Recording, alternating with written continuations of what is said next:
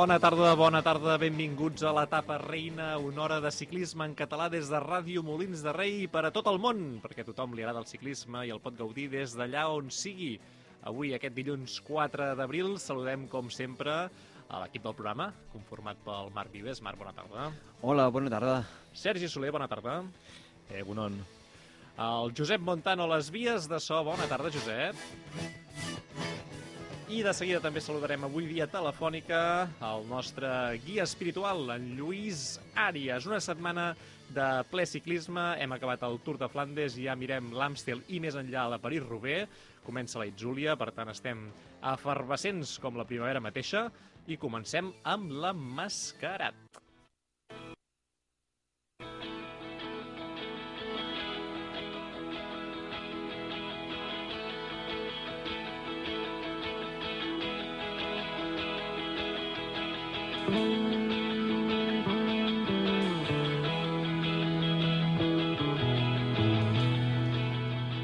Un emmascarat que primer, doncs, com sempre fem, és resoldre el personatge amagat de la setmana passada, Sergi, eh, que era una mica complicat, eh, com a mínim, pel que hem estat parlant avui quan ens has dit qui era. Sí. Um, vam parlar d'un ciclista colombià que havia estat al Kelme, que això, doncs, bueno, eh, professional des del 90. Podia, us podien venir diferents noms al cap.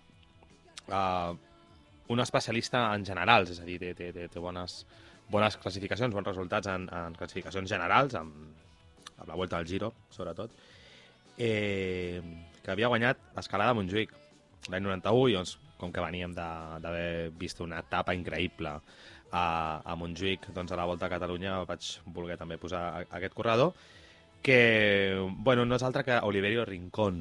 Oliveiro Rincón. Rincón. Quin nom Eh, nascut a Duitama, eh? famosa sí, sí. ciutat eh, que va acollir el 95 al Mundial. I doncs va ser un ciclista que durant els anys 90 va donar molta guerra i, i era molt present en el, en el pilot. I, i ja et dic, eh, ocupava sempre llocs destacats i realment va ser un bon corredor. Bé, bé, el senyor Rincón, protagonista de la setmana passada, per aquesta setmana en Sergi ens ha preparat un nou emmascarat. I comencem, com sempre, amb les pistes. Pista 1. Va debutar l'any 1995. i ara es passeja amb un coll. Pista 2. Uh, és espanyol. Pista 3. Euskaltel. Pista 4. La seva especialitat. Aquí vull, puntu vull puntualitzar, perquè últimament hi ha una mica de controvèrsia. eh, ets un home polèmic, ets un home polèmic. Hi ha, hi ha, polèmica, hòstia, a mi que, a mi que no m'agrada liar-la. Vas qualificar a Micael Albacini com a rodador. Sí, tot terreny, és a dir, que, que, que era capaç de, doncs, de, de moure's molt bé. Amb, amb, I no com a diferents- o upfield finisher. Sí, exacte.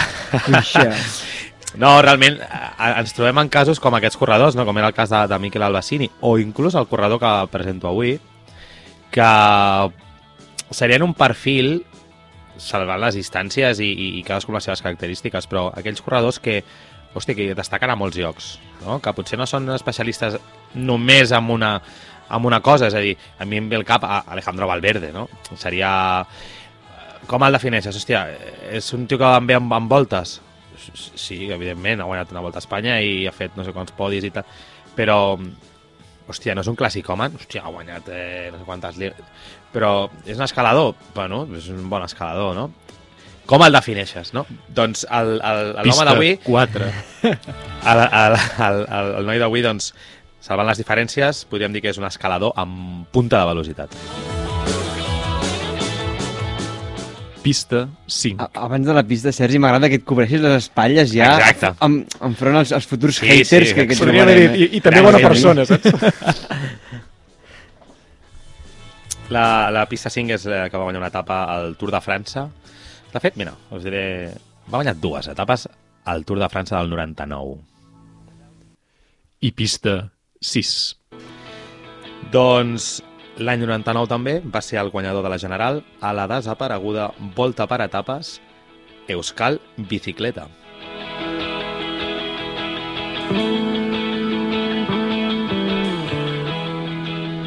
Doncs aquestes són les sis pistes d'avui, ja ho sabeu, any 95, Euskaltel, dos etapes al Tour, aquestes pistes potser us poden situar, a mi com a mínim crec que m'han ajudat, després en tot cas ja, ja ho comentarem fora del micròfon i la setmana que ve us oferirem la solució aquí a l'etapa reina. Ara és moment de parlar d'actualitat, per tant, anem cap a Flandes.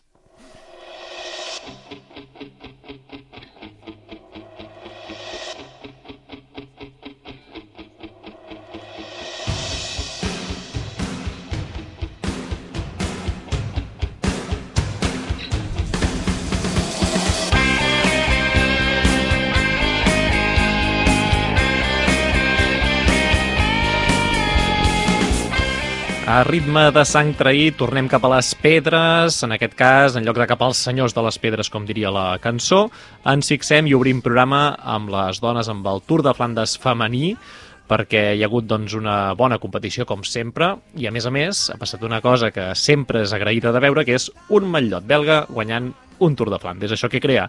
Doncs molta emoció entre els aficionats, podríem dir desbordada, aquesta emoció, i per tant eufòria, un cap de setmana, diguéssim, gairebé rodó pels belgues doncs, que miren el ciclisme femení, en categoria masculina després ja, ja en parlarem, però en tot cas una bona cursa, resolta a favor de Lotte Kopecky, que es va endur la victòria per davant d'Anemic Van Bleuten, i per la seva companya d'equip, la Chantal Black, que van fer com un trio final, no? on es van doncs, disputar aquest, aquest triomf. Uh, una cursa molt interessant, uh, doncs, que més enllà d'aquesta victòria de Kopecky a l'esprint, uh, guanyat doncs, per unes quantes bicicletes de distància com era de preveure, i amb una Van Bleuten bé, plantant cara, uh, segona, que és potser el millor resultat que podia fer vista els darrers quilòmetres de, de la cursa. Uh, si voleu, rebobinem una mica, fem una mica marxa enrere, per no centrar-nos en aquest sprint, que probablement ja heu vist tots, i fem una mica anàlisi d'aquesta cursa, de, de quin moment creieu que comença, diguéssim, a, a resoldre's, o en quin moment hi ha els atacs decisius, i qui porta el pes d'aquesta cursa i com juguen els equips, perquè jo crec que és potser el més interessant de, de tot aquest Tour de Flandes femení. No sé si l'heu pogut seguir bé, jo diria que sí en aquest cas, eh, per tant, comenceu... Jo, abans de res, m'agradaria fer una felicitació a l'equip Movistar, perquè, i parlo de l'equip, eh, perquè sí, com fins ara havíem vist com tenien probablement la millor corredora del món i en el Tour de Flandes l'any passat doncs, va guanyar el Movistar però va guanyar l'enemic Perquè tenien la millor. perquè tenen la millor. Sí que és cert que sempre fan un treball molt bo de, de controlar la carrera prim, a la primera meitat de la cursa, però sempre quan comencen a aparèixer els trams més complicats o les cotes més complicades, desapareixien del capdavant. I aquest Tour de Flandes ha vist un equip on ve al mateix nivell que l'SD Works gairebé, eh, amb corredores sempre davant, buscant els talls. Hi ha un moment... Eh, no et sé dir a quin berg és, perquè ja em lio amb tants noms entre masculí i femení, però que es fa un grup eh, d'unes 10 corredores o 15, de les quals tenen 3 Movistars i 3 SD Works, no? Jo crec que allà mm, mm, va ser crec que no sé si no es van entendre els dos equips o, o no hi havia l'ordre de, de per cap director de tirar al 100%, però crec sobretot que, que al Movistar li podia interessar molt aquell, aquell tall Amb Merlene Sierra, amb noms Sí. així que, que podien resoldre una Sí, cursa sí, també, sí. no? Tenia aquesta capacitat.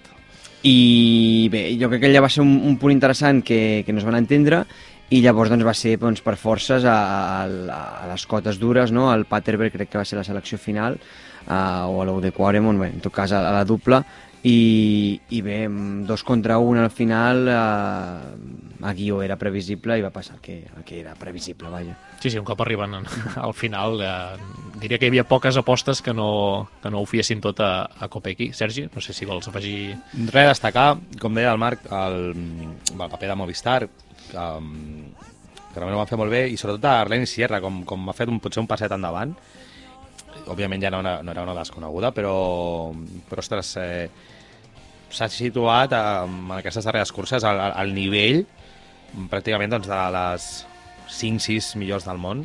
I, i bueno, doncs, eh, apuntar que segurament a, a, tindrà la seva oportunitat. Algun dia que potser doncs, l'enemic estigui molt, molt, molt coberta i doncs, com així des d'una segona línia doncs, tindrà les, les seves opcions segurament eh, va guanyar segurament, potser, no et sabria dir si l'equip més fort, però realment, bueno, evidentment és l'equip més fort, segurament que hi ha el, el pilot.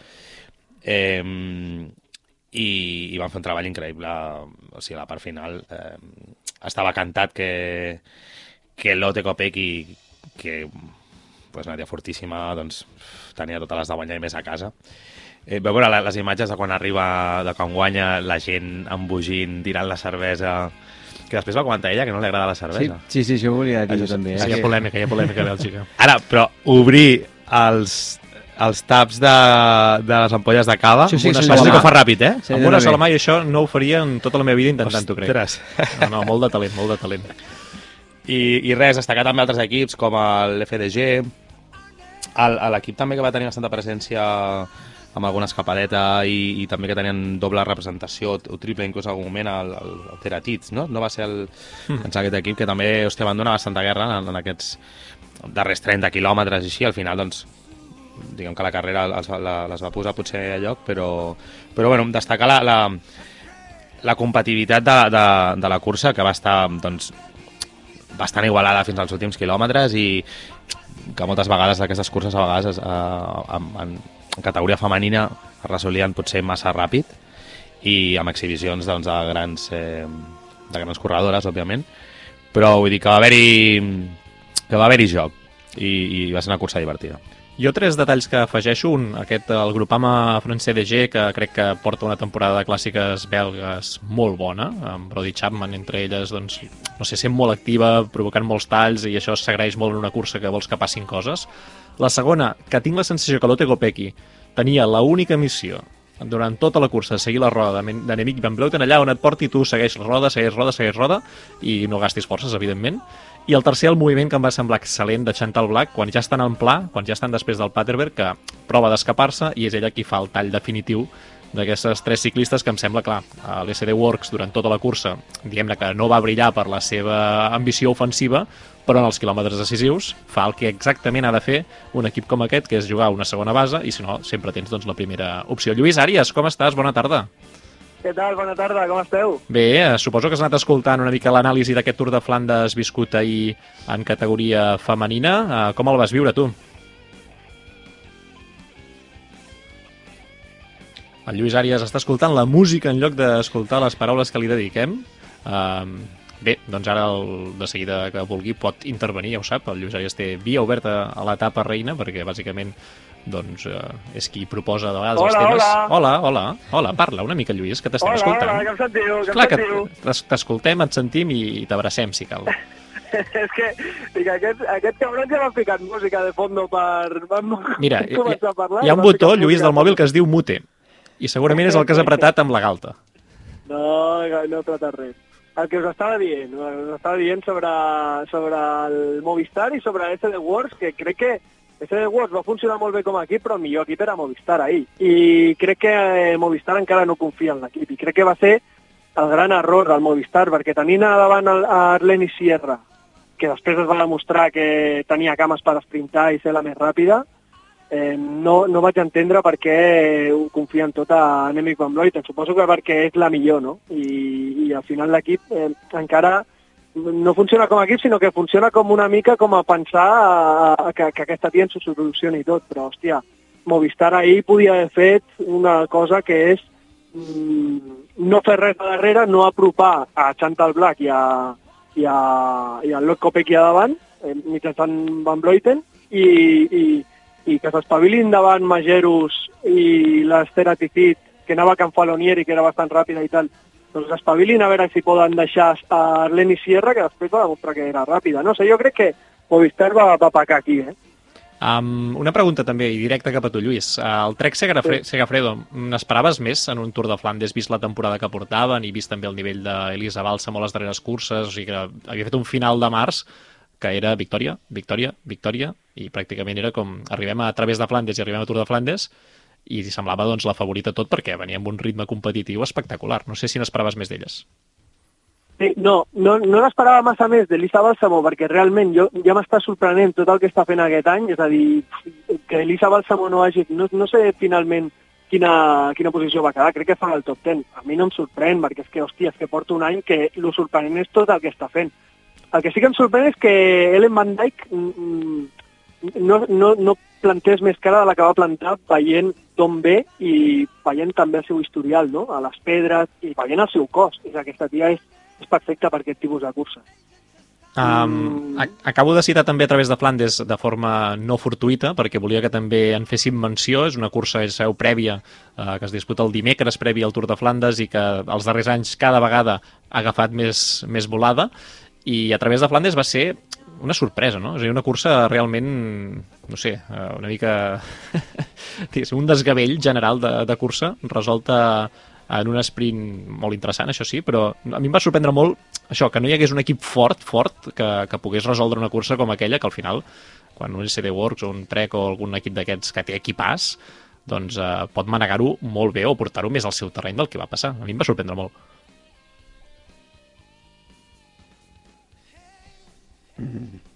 Sí, no, perdoneu. Esperava que digués alguna cosa, Lluís, i s'ha a escoltar música un altre cop i ara ens ha agafat aquí una mica en calçotets tots. Um, bé, també, sí, uh, va ser una... A través de Flandes és una carrera, molt dura, i també es pugen les cotes semblants al Tour de Flandes, però no té el pedigrí que té el Tour de Flandes. Llavors, mm, jo crec que també el guió que es preveia al Tour de Flandes, les ganes, la, la, la intenció de totes ja, ja feia una mica descartar que l'opció Bàlsamo que, que, que, bé, que, que és evident que, que bueno, és evident o no, eh, perquè ens ha demostrat altres coses últimament, però no hauria de poder competir uh, del tu a tu a, a, amb algunes corredores en aquestes grans clàssiques. Eh? Eh, llavors jo crec que eren guions una mica diferents, també carreres diferents, uh, però això no treu que, que, que no estic fent un gran any i, i jo una mica com el Lluís, eh? o sigui, crec que el paper era aquest. En tot cas, eh, Elisa Longo Borghini potser sí que li va faltar un punt a les cotes per seguir a, a Enemic, a Chantal, a, a Utrup Ludwig, bé, a aquestes corredores, però bé, jo crec que tampoc no parlaria de decepció del Trek. Si voleu anem cap a la categoria masculina, eh, també fem aquest doblet de Través de Flandes i Tour de Flandes, perquè evidentment doncs, la setmana va començar això el dimecres, eh, amb aquesta primera cursa, i tant una com l'altra han tingut el mateix guanyador, per tant, d'entrada hi ha una figura que, que en- entenc que avui mereix doncs, que comencem parlant d'ella, que és el Mathieu Van Der Poel, campió a través de Flandes per segona vegada, campió al Tour de Flandes per segona vegada, amb un senyor doncs, que a Tour de Flandes sempre acaba, de moment, al top 4, amb quatre participacions, per tant, eh, és algú que és molt fiable en aquest tipus de monuments de 260 o 270 quilòmetres, amb aquest tipus de recorregut, i que un cop més doncs, eh, s'endú un premi gros a nivell de victòria espectacular.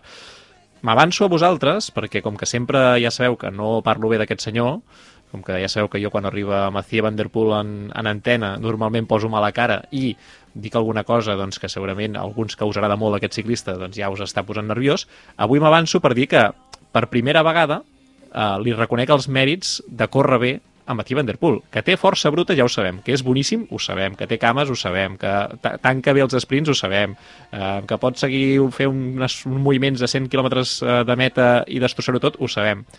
Però córrer amb intel·ligència, més enllà del ciclocross, que sí que ho ha fet moltíssimes vegades, en carretera, jo sincerament no li havia vist. Ha guanyat moltes coses i ha fet resultats excel·lents eh, aquests anys, però aquesta setmana a mi m'ha demostrat que és un corredor que ha fet un pas molt bèstia a nivell de eh, entendre els moviments tàctics que hi ha en una cursa ciclista i en intentar doncs, reservar forces per guanyar, que al final pot ser el millor de la cursa com a punt de partida, però a vegades els favorits doncs, poden fallar per mil opcions. Ell dimecres fa la millor cursa de la seva vida. A través de Flandes a mi em fa una exhibició de moviments i de capacitat d'entendre quin és eh, la roda bona amb un grupet doncs, que està fent atacs constantment i que ell està allà sense haver de fer masses esforços, però sempre vigilant, entenent que és l'últim atac, el que quan ja queda un quilòmetret o quilòmetre i poc, el que s'ha de moure és la roda a vigilar i resolent doncs, a l'esprint, que evidentment ho tenia tot a favor, i diumenge, eh, a Flandes, sense aquesta lluentor, fa una cosa que jo no esperava, que és substituir Van Aert per Pogacar.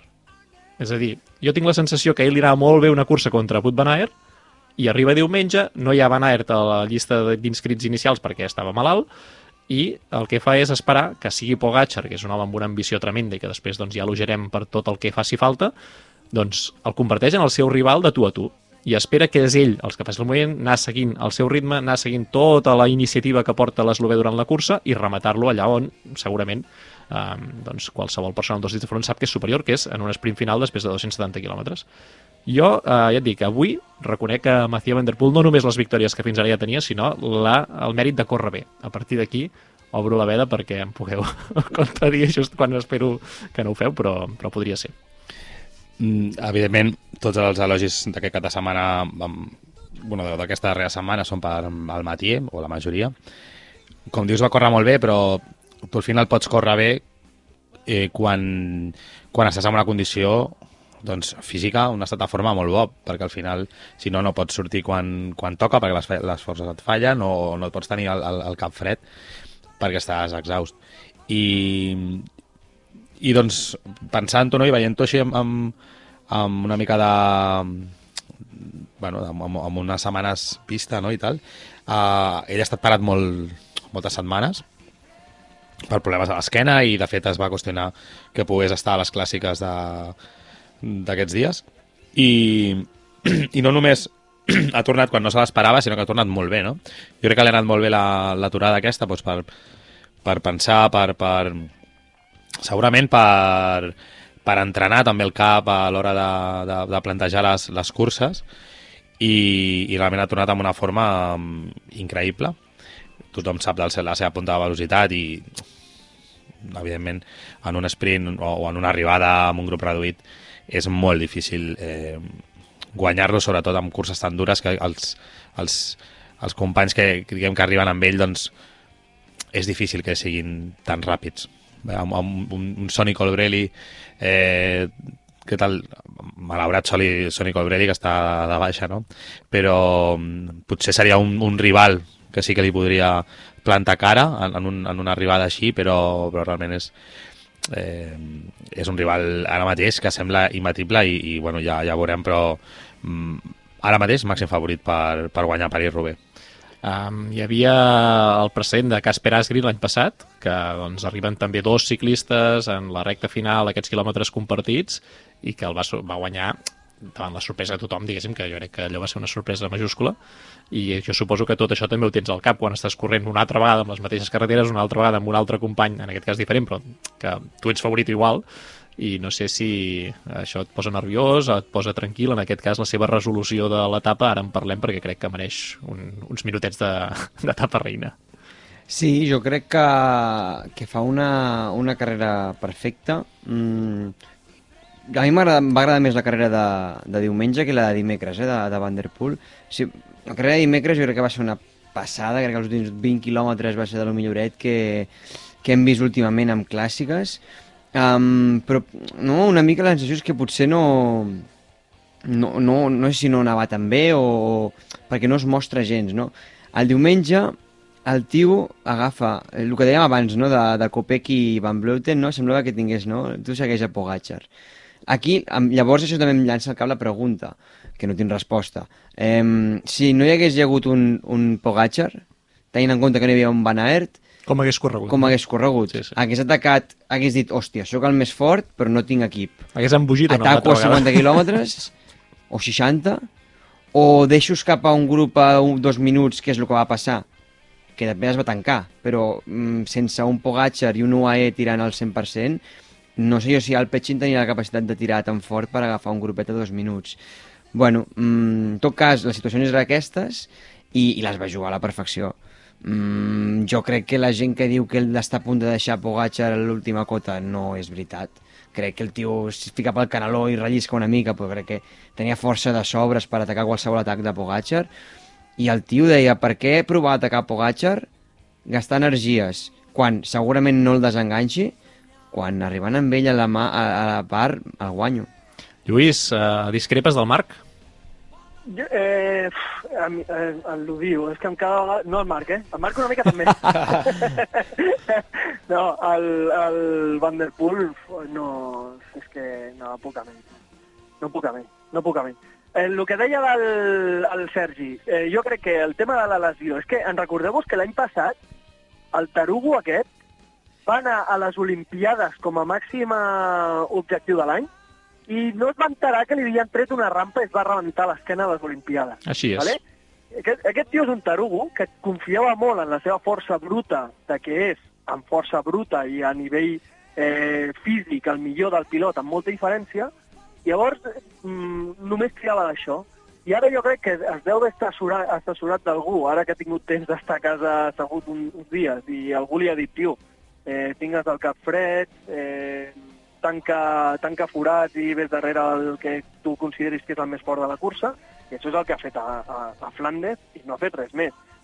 Eh, després hi ha una altra imatge que no m'agrada gens de, de, de Flandes de Van Der Poel, que és a 20 quilòmetres de l'arribada, quan van encara els quatre, es deixa caure el cotxe i li pot dos, dos xutes al salbutamol, que no, no ha sortit massa això. El, el, com, saps? És a dir, no era un dia que, que crec que un asmàtic eh, fes molt de polen allà a l'ambient a Flandes, com perquè, hòstia, aquest tio que és asmàtic, eh, avui amb el polen que hi ha de les oliveres de Flandes, segurament necessita salbutamol.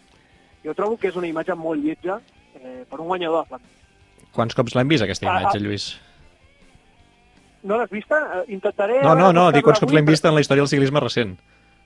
Sí, sí, l'hem vista... Bueno, Vull dir que no és un, no és un gest patrimoni de, de Mathieu Van Der Poel, eh, ni No, molt menys, però, eh? però Goita, Goita, ho va fer el Prum i tothom l'assenyalava com un assassino en sèrie. I ara ho fa el, el Van Der Poel i aquí ningú diu ni pio, ¿vale? I, és a dir, també ho hem vist amb Valerio Conti últimament, eh? però clar, Valerio Conti no guanya el Tour de Flandes ni el Tour de França. Eh, normalment senyalem els que guanyen i, i vam senyalar Froome, doncs ara senyalarem a Mathieu Van Der Poel, no? que no crec que, que eh, s'ofegués. Jo crec que aquí el tema era per una millora eh, física. Però bueno, eh, Va. estic. Deixa'm, deixa'm dir una coseta, Lluís. In, independentment Sí. d'això, que, que jo no li dono tampoc la, la rellevància, perquè al final mm, la, la part grossa de la carrera ja, ja l'ha passada, eh? Vull dir, no crec que, que allò li doni un turbo a l'esprint. En tot cas, um, uh, era un tarugo perquè corria sense cadena i ara que li ensenyen a córrer eh, segueixen un tarugo per tu, per tant on està el problema de Van Der Poel? Sense, És un tarugo sí, sempre, ja està, ja està. que, que vaig trobar a faltar Van Aert, tio, ja està, aquest és el tema. No, no sé, ha, ha sapigut córrer molt bé, és que al final ha sapigut córrer molt bé, però ara ja t'ajudo a canviar de tema perquè suposo que vols parlar de Pogacar, Roger. Que Bé, és, eh, Preferia parlar de, del segon classificat i anar per ordre, eh? però si vols parlar d'aquest noi eslovè que va quedar fora del podi... No, home, aquest noi eslové que va quedar fora del podi, que és la primera vegada que corre a Flandes i fa quedar amb un campió de Flandes com un superrodes, hòstia, és brutal, no? Al És final brutal. la caga, la caga, la caga estrepitosament a l'esprint, però, hòstia, és que és el, el líder absolut de la cursa. És, és de les cagades més boniques que recordo dels darrers anys. Millor fins i tot que la de la Filip, de, de, que, que hem recordat ja bastantes vegades al Twitter de l'etapa reina. És, és d'aquestes que m'agrada perquè quan ja l'estàs veient estàs pensant, no pot ser. Estàs, estàs veient allò amb les mans al cap i ja dient, és que no pot ser que estigui passant això. I ja ho heu vist tots, per tant aquí no, no cal que repliquem massa, però és un error seu, únicament seu. Eh, no sap eh, jugar bé les seves cartes en aquell moment, que no és que les tingués totes, però en tenia alguna, i acaba fora d'un podi, d'un monument, quan com a mínim el segon lloc el tenia i sé que per Pogacar un segon lloc li importa eh, tant doncs, com a mi moltes coses de, que passen al món i que no tenen res a veure amb aquest programa, no? però eh, per ell eh, com a mínim ha d'intentar guanyar, que això és el que li falta, és a dir, no té la capacitat d'intentar-ho i això és el que segurament li passarà factura doncs, al seu cap durant li va durar poc, eh, perquè de seguida va, va canviar de, de discurs i va dir que s'ho havia passat molt bé, que era una gran cursa i que té ganes de, doncs, de tornar-hi, que li ha encantat, etc etc. però home, dins teu, quan tornes a mirar aquelles imatges, t'has de quedar amb cara de què he fet aquí, no? O sigui, anar esperant, anar esperant, anar esperant, intentar posar nerviós a Van Der Poel, que està bé, bé, una carta ben jugada suposo que és una de les armes que tens, però no fins al punt de que et jugui la contra d'aquesta manera tan bèstia. In increïble va ser allò.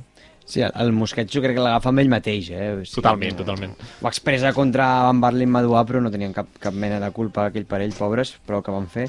Um, bueno, això va una mica lligat també a la inexperiència que apuntava el Lluís. És la primera, la primera participació segurament no, està, no estava basat bueno, un, un, un sprint 1 contra 1 contra un paio com Van Der Poel després de 200 i pico quilòmetres i, bueno, i va picar d'inexpert. Mm, bueno, a veure, podria haver tirat a l'últim quilòmetre i haver quedat segon, mm, però al final és una mica el que dius, eh? quedar segon a quart, més enllà de la ràbia del moment, mm, tampoc crec que això, ell no volia guanyar.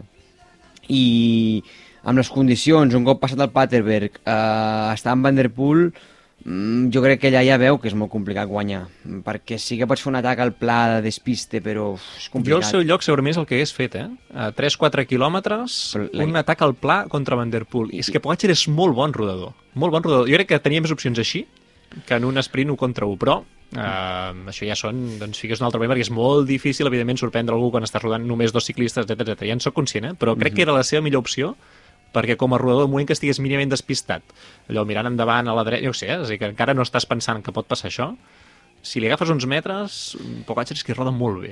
Roda Exacte. Molt bé. Jo crec que era, tenia que, o aquesta opció d'atacar a falta de pocs quilòmetres, sorprendre, o inclús doncs, deixar de tirar el, el, els darrers quilòmetres, deixar-li més el pes encara a, a Mathieu, i inclús esperar que arribessin els de darrere perquè llavors bueno, intentar sorprendre d'aquesta manera eh, que diguem que Mathieu hagués d'estar pendent de, de, de molts fronts de molts atacs de, doncs de, que ara en parlarem, no? Doncs de, de Madua o de Van Barley eh, i llavors donar aquesta sorprendre això, no? I agafar uns metres i el, el ser un molt bon rodador, jo no crec sincerament que, que Mathieu Van Der Poel amb, amb... si tu li agafes 30 metres i ets, eh, eh, eh, ets Pogacar, doncs jo no crec que, que et pugui atrapar perquè Pogacar és un autèntic animal i, i res, jo estic convençut que s'ho va passar superbé i que tornarà i que jo crec que no, no ha acabat la seva... Les, la, bueno, ara té la fletxa, la lieja, eh, encara el- ha d'anar per les Ardenes, però aquest nano s'ho passa bé a tot arreu, eh? I està molt bé, eh? El que- el està fent aquesta temporada és increïble. Tots els monuments on ha competit fins ara és top 5. És, és, és bestial, lo de Pogacar, eh? O sigui, és, és increïble el palmarès que està fent o uh, les opcions que té de palmarès uh, davant seu, igual que Van Der Poel, eh, també, que també no, no el vull pas menys tenir en aquest sentit. Són dos, uh, diguéssim, lluitadors d'un monument que dius, ostres, l'estan dignificant de, de mala manera, malgrat l'absència de, de Van Aert. Um, Deixeu-me dir una cosa, el més intel·ligent de tota la cursa es diu uh, Dylan Van Barle. És increïble quina capacitat tàctica té aquest uh, paio. Aquest sí que no... Aquest la té de sèrie des de sempre, eh? perquè aquest corre molt bé. I l'any passat, quedant segon al Mundial, ja, ja va demostrar doncs, doncs, que tenia moviments uh, boníssims. A mi em va, o sigui, em va encantar el que va fer, que és, en una temporada que no t'està sortint del tot bé, perquè certament Van Barle duia un, una temporada de clàssiques més o menys discret, un top 10 a l'E3, però, però poca cosa més, um, s'avança, fa el moviment aquell d'avançar-se amb, amb Fred Wright, que és un ciclista, diguéssim, menor, comparat al seu costat, i que s'endú un molt bon top 10 d'un Tour de Flandes, però Van Barle en aquell moment jo crec que té tota la intel·ligència del món de dir jo per cames a les pujades finals no hi seré, doncs m'avanço ara i a veure qui m'arriba pel darrere. I ho fa tan bé que fins i tot el, el Quaremont, quan comença la pujada final on es resolen entre els cinc que eren, doncs a veure qui es queda qui no, és el primer a deixar passar que, sí, Pogacar, tira el teu ritme, jo aniré el meu, i després qui ho paga és Fred Wright, que ja queda més enrere, i és ell i Maduà que juguen a la, la, la tercera plaça del podi en principi, que al final més li regalen doncs, aquesta opció de lluitar un sprint pel segon lloc, però jo amb Van Barle és una cursa més que quan la veig penso, no tens cames per estar ni segon, ni tercer, ni quart, segurament, i en canvi estàs allà una altra vegada, va ser quart a un Tour de Flandes, ha sigut segon en un Mundial, ha sigut segon en un Tour de Flandes, no guanyarà potser, però, ostres, um, allò d'intentar amplificar les teves virtuts i minimitzar defectes és uh, un expert. En Van Barley eh, és, és un corredor que a mi personalment m'agrada bastant com corre sí que és veritat que a vegades desapareix és bastant irregular i, i, i quan, però quan està bé de forma tot i no ser dels millors com, com tu has dit eh, és capaç de, de, de jugar amb ells i de realment estar, estar allà davant i em recorda eh, bueno, també salvant les diferències i tal però és un Joan Antoni Fletxa eh, holandès Doncs sí, podem, podem comprar a, a comparació. Uh, Lluís, tens ganes de parlar d'algú més d'aquesta cursa? Sí, deixa'm dir que Van Barle no té contracte per l'any que ve, a Ineos, i que després de la ràbia que li havia fet no guanyar ahir a, a Pogacar, eh, que, que no vagi a parar, perquè té 29 anys, Van Barle farà 30 aquest any, que no vagi a UAE l'any que ve cobrant un pastizal i, i ajudant a, a Pogacar a guanyar el seu primer Tour de Flandes. Jo el veig molt a Eh, Jumbo, eh? És un perfil molt Jumbo de- de- d'aquests que tenen per allà a vegades, eh, que, que van sumant cada temporada. Mm, sí. Eh, puc parlar, vols parlar encara de gent bona? Perquè aquí els, els francesos és brutal, no? Francesc G, brutal. A veure, un va acabar, diguéssim, en plaça de podi, que és Valentín Maduà, i l'altre, Sí. eh, l'altre va fer una autèntica festa. Smash,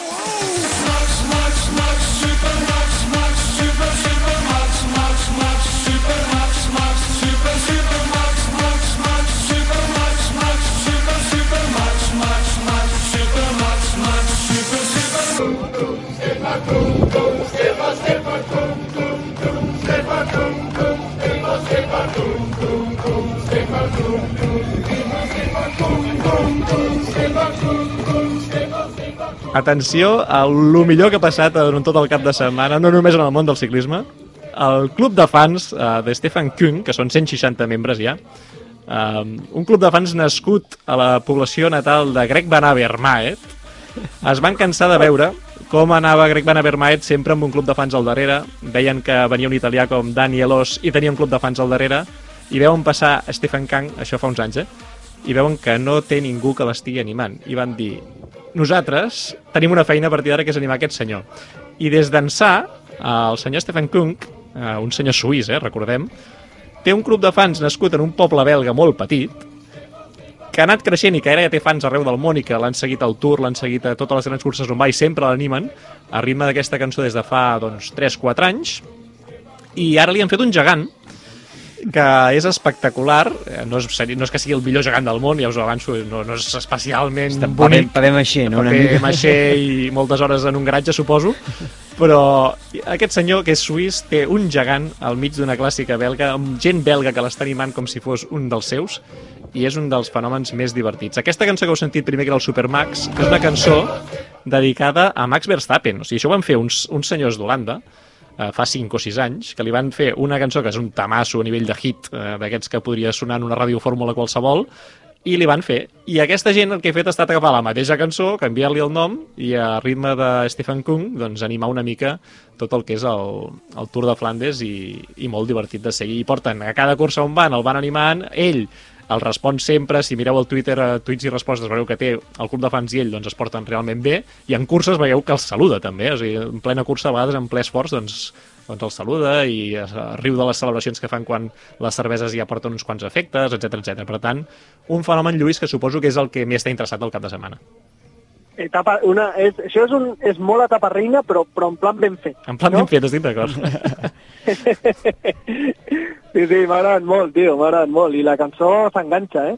S'enganxa, s'enganxa com una mala cosa i segur que a partir d'ara, si no l'havíeu sentit i l'heu escoltat per primera vegada aquí, doncs la tindreu al cap abans d'anar a dormir.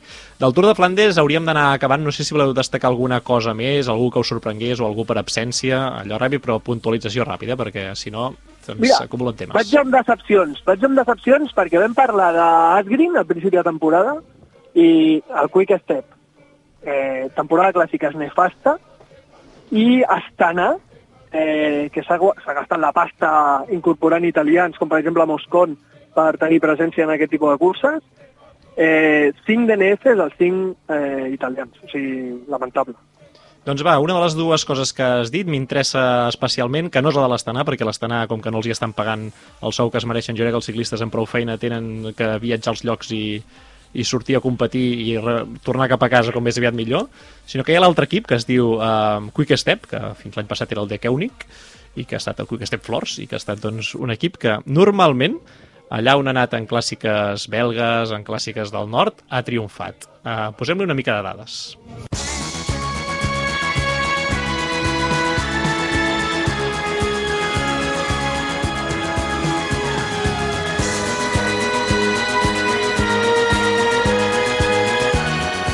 Música d'informe de clàssiques belgues perquè tenim l'Omloop, el millor d'aquest any del Quick Step ha estat Senechal, novè a la Pane, dotzè Morkov, a la Harelbeke, desè Asgreen, a la Gent 32è Asgreen, a la Van Blanderen, 14è Steimle i a Flandes, 23è Asgreen.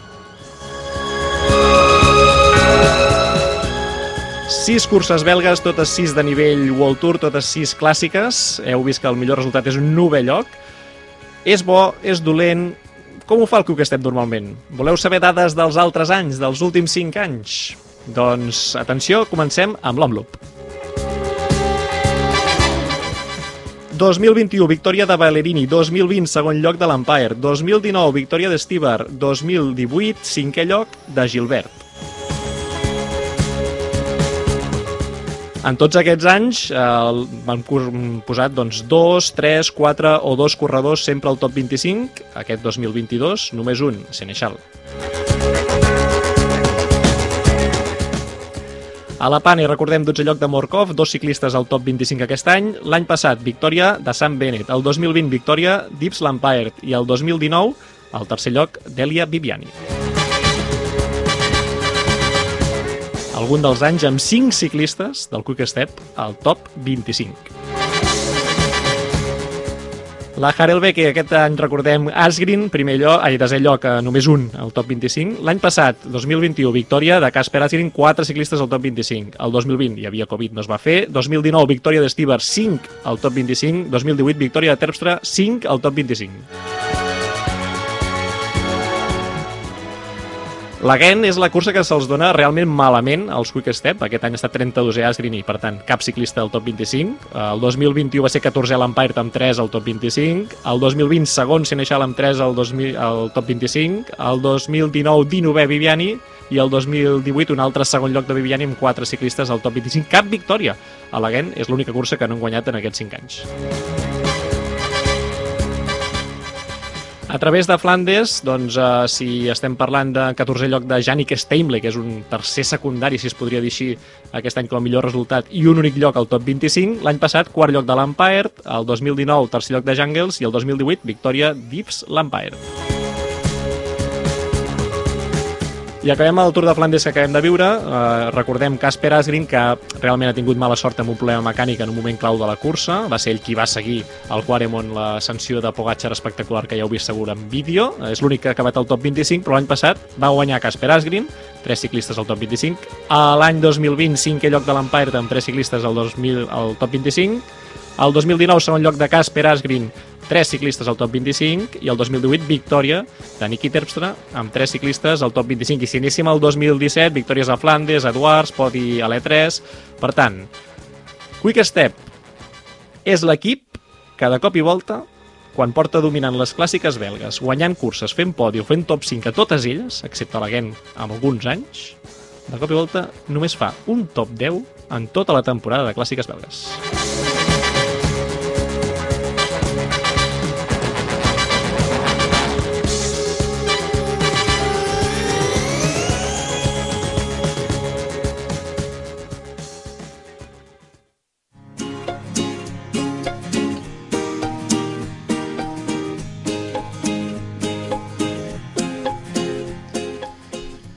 Dades esfereïdores, eh? perquè jo crec que això fa patir. Uh, no sé, la, la plantilla no ha canviat tant, eh? És a dir, tenim l'Empire, tenim Senechal, tenim Asgreen, tenim ciclistes Valerini mateix, encara hi és, tenim Ala Filip, que aquí no l'hem anomenat, però alguns anys ho ha fet també molt bé.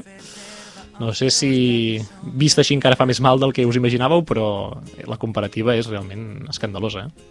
Sí, sí, ho anticipàvem abans de la, de la temporada, però crec que no n'esperàvem ningú, eh? tant, tant de falliment. No sé, aquest any el Quick Step no funciona.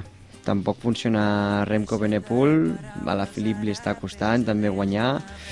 Bueno, a veure si les Ardenes eh, mostren una altra cara, del, una altra versió de l'equip. Lluís, fem una prèvia final d'Amstel, d'Itzúlia, que ja ho tenim aquí al caure? Venga, eh... ¿Cambias música o qué? ¿O tiro, o tiro ya para adelante? Home, tira pelante, que aquesta música és perfecta Sí? per parlar de, de l'Amstel. Si, si ja la tenim aquí, Am- si, si està aquest cap de Amstel setmana. dels Reis, Amstel dels Reis. us aviso d'una cosa. Ep, Serà la millor cursa de l'any. molt bé, doncs uh, ja t'avanço que jo no el Eh. puc veure, per tant, uh, gràcies per aquest, per aquest advertiment que m'acabes de, de matxacar el cap de setmana. Jo estava tranquil pensant que sí, la pitjor cursa de l'any, i no, serà la millor, tu. Apunteu bé, Bé, no sé, els eh, no sé. Pinta, pinta molt bé perquè, com sabeu, aquest any agafa, fa entrepà entre, entre Flandes i Roubaix. Hi ha, hi ha l'Amstel, que normalment és just després de la, de la Roubaix. Llavors, què passa? Que hi ha molts eh, pedreros que encara arribaran a l'Amstel en pic de forma i hi ha molts ardenistes, que també sardanistes i ardenistes que arribaran a, a Amstel en, bueno, doncs ja preparant eh, el pic de forma de la seva temporada. Llavors jo crec que serà molt guai. A més, en principi tornarà Wout Van Aert. De moment els equips els agafem amb pinces, eh? perquè sempre amb, amb, amb una setmana de vista després canvien molt les coses i més ara amb el tema del Covid i tal. Ja veieu el que havia passat al Aert a, a Flandes. Però vaja, eh, el, el Jumbo va amb tot, va amb Wout, amb Benut, amb Teunissen, amb Laporte, amb Dumoulin i amb Van Hoydon, eh, hi ha Van Der Poel, mm, hi ha, el, hi ha Pitcock i Kwiatkowski, hi ha Asgren, Bagioli, diuen que va Van Sevenan, que pot ser també interessant, hi ha Schachman, hi ha Gilbert, que en la seva última Amstel estarà divertit veure com ho fa i perquè clar, és una, és una cursa que l'ha fet molt gran i fins i tot el recorregut de l'Amstel eh, va guanyar el Mundial, per tant eh, és un lloc on jo crec que també es vol lluir ell. I bueno, després hi ha els EF, Valgren, no Valgren. estan fent, sí, de Valgren, que estan fent una mala temporada fins ara, una temporada tan discreta, i llavors crec que Valgren i Betiol ho han de fer bé. I després hi ha Teuns, Dylan Teuns, que arriba molt fort, eh? I Mohoric suposo que també hi deu ser, no? no? Sí, Mohoric de moment hi és, no hi confio tant, eh? però bueno, hi és, sí. No, no, confia més en Teuns que en Mohoric aquest any. Em sembla bé, Lluís. No, no, està molt bé a Flandes, o sigui, per què no? Sí, i bueno, no sé, he, dit alguns dels noms, però vaja, eh, jo crec que serà una cursa molt xula. I recordem que, que al Cycling Fantasy tenim la femenina, puntuable pel Cycling Fantasy. Per tant, també poseu-vos les piles, eh? Boníssim, això. Boníssim. A més, en categoria femenina, no estem dient els noms, però és exactament el mateix cartell d'inscrits a nivell de talent eh, i de qualitat doncs, previst per l'Amstel d'aquest cap de setmana. Per tant, tindrem doble cursa eh, diguéssim, als Països Baixos de, de luxe, amb aquelles carreteretes que són les més petites de tota la temporada, eh, són les més divertides de veure, segurament. I això arribarà una setmana abans de, de París-Roubaix, com dieu, un any una mica intercalat de forma diferent, però, però que promet forces emocions. A mi m'agrada més el, el calendari de cap de setmana, el planning, que és dissabte um, de cursa femenina i diumenge masculina, és a dir, Sí, un dia per cada cursa. un dia no? per cada cursa, perquè ahir se'ns van solapar una miqueta Sí, certament. i, i ens vam perdre part del, del, doncs de la cursa femenina que, que, bueno, que, que és una llàstima perquè sempre és interessant veure els darrers doncs, bueno, 60 quilòmetres com a mínim. Um, digues, Marc, digues, que veig aquí mirant dades i llistes Jo d'inscrits. estic I... seguint tot per comprovar que no us equivoqueu en res. Això és perfecte, això és perfecte. Escolta, més enllà de l'Amstel, um, tenim la Itzúlia, també, vaja, ha començat ja, ha començat avui, està en marxa ara mateix mentre estem fent aquest programa la contrarrellotge o pròleg inicial a Onda Ríbia, una Itzúlia que arriba segurament amb el gran favorit a guanyar-la, que és Primoz Roglic, doncs, eh, sense un rival tan fort com ell, però amb Renko Evenepoel, amb una cursa que no té grans ports de muntanya, doncs amb un recorregut que és molt més fiable per ell, o molt més assequible per ell, jo crec que aquí pot tenir més opcions de plantar cara, acabem de parlar del Quick Step, però en curses d'una setmana, o sigui, la volta van guanyar Pajoli, van guanyar Vernon, sí que estan rendint una mica millor, veurem a veure doncs, una cosa o l'altra cap, on, cap on tira, no sé si són els dos noms que us quedeu a Castelljúlia, o penseu que, que hi ha altres candidats, sigui, no sé, des d'Ineos, des de Bora... Pello que Bilbao, fent- potser... Pello Bilbao des de no sé Bahrein... com estarà, però corre a casa i al final doncs, segur que, que està bé. I jo, jo crec que um, tinc esperances en, en veure l'equip Kern Pharma i veure Arrieta, que, que ja s'ha demostrat en algunes curses i, i, ostres, no sé per què crec que que serà protagonista en algunes de les etapes com a mínim. Estan anant una mica millor que en Farma, van fer un bon Indurain, Roger mica, va estar mica, sí. proper a, a, a disputar i està una mica al seu nivell, a veure si, si això doncs, és una bona, una bona senyal. També jo, bueno, mm, a l'Ineos no n'hem parlat, però l'Ineos va, amb- va amb equipàs, va amb, va amb Carlos Rodríguez, que ha demostrat moltes coses, a veure quin, quin paper té, i tenim l'Omar, que també a casa sempre ho fa bé, i bueno, els, els escaladors bons que té sempre. Uh, i a més a més, eh, a mi una cosa que em sobta, que és que el Quick Step hagin portat a, a la Filipa, a, a la Itzulia, eh, tenint a Remco, que, bueno, que potser se li adequa una mica més amb la crono, no? I oh, deixen de banda la- l'Amstel, no? Que, que a la Filipa a priori seria un gran favorit. Bé, mm, també Mauri Van Sevenen sembla que està aquí, per tant tampoc estarà a l'Amstel.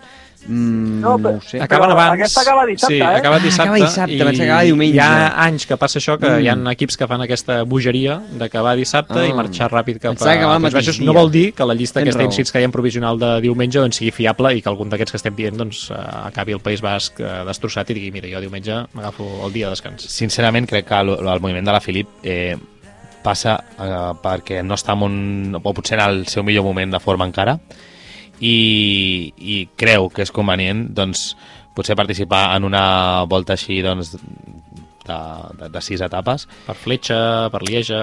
Exacte. uh, ja pensant d- en d'aquí dues, tres setmanes que li doni aquesta, a, a, doncs aquesta base de, de, de preparació i aquest ritme competitiu i perquè de fet a- fins ara doncs, ha competit relativament, bueno, relativament poc no va fer la Tirreno, no? però, però crec que li, fa, li nota que li falta rodatge i per això vol, vol fer una, una volta per etapes. Lluís, si és algun comentari que sigui molt breu, que estem a punt d'acabar el programa ja. Que ojo amb Gaudú, que ojo amb Vingegaard, que també hi ha el Marc Soler, i que ojo amb Teo de la Crua. Ep, que corre, eh? També la Itzúlia li agrada tant a Catalunya que diu no me'n vaig gaire lluny, me'n vaig cap al País Basc i segueixo corrent allà el nostre doncs, mallot jove de... el Volta Jove, vaja, que vam escollir aquest any. Doncs ja sentiu la sintonia de l'etapa reina, això vol dir que estem a punt d'acabar el programa. Us agraïm, com sempre, doncs, que ens hagueu escoltat atentament. Ja sabeu que a l'etapa reina ens trobareu a les xarxes, a iVox, a Spotify, a qualsevol lloc on vulgueu escoltar-nos o seguir-nos. Doncs estarem encantats de poder intercanviar amb vosaltres punts de vista, parers, opinions i tot el que vulgueu. Nosaltres eh, ja veurem si podem tornar dilluns que ve, que tenim un calendari una mica tapeït. En cas que no sigui així, us ho farem saber per xarxes, però si tornem, us esperem aquí dilluns, com sempre, a les 4 de la tarda a Ràdio Molins de Rei. Que vagi molt bé, bona setmana. Bona setmana. Adéu, adéu.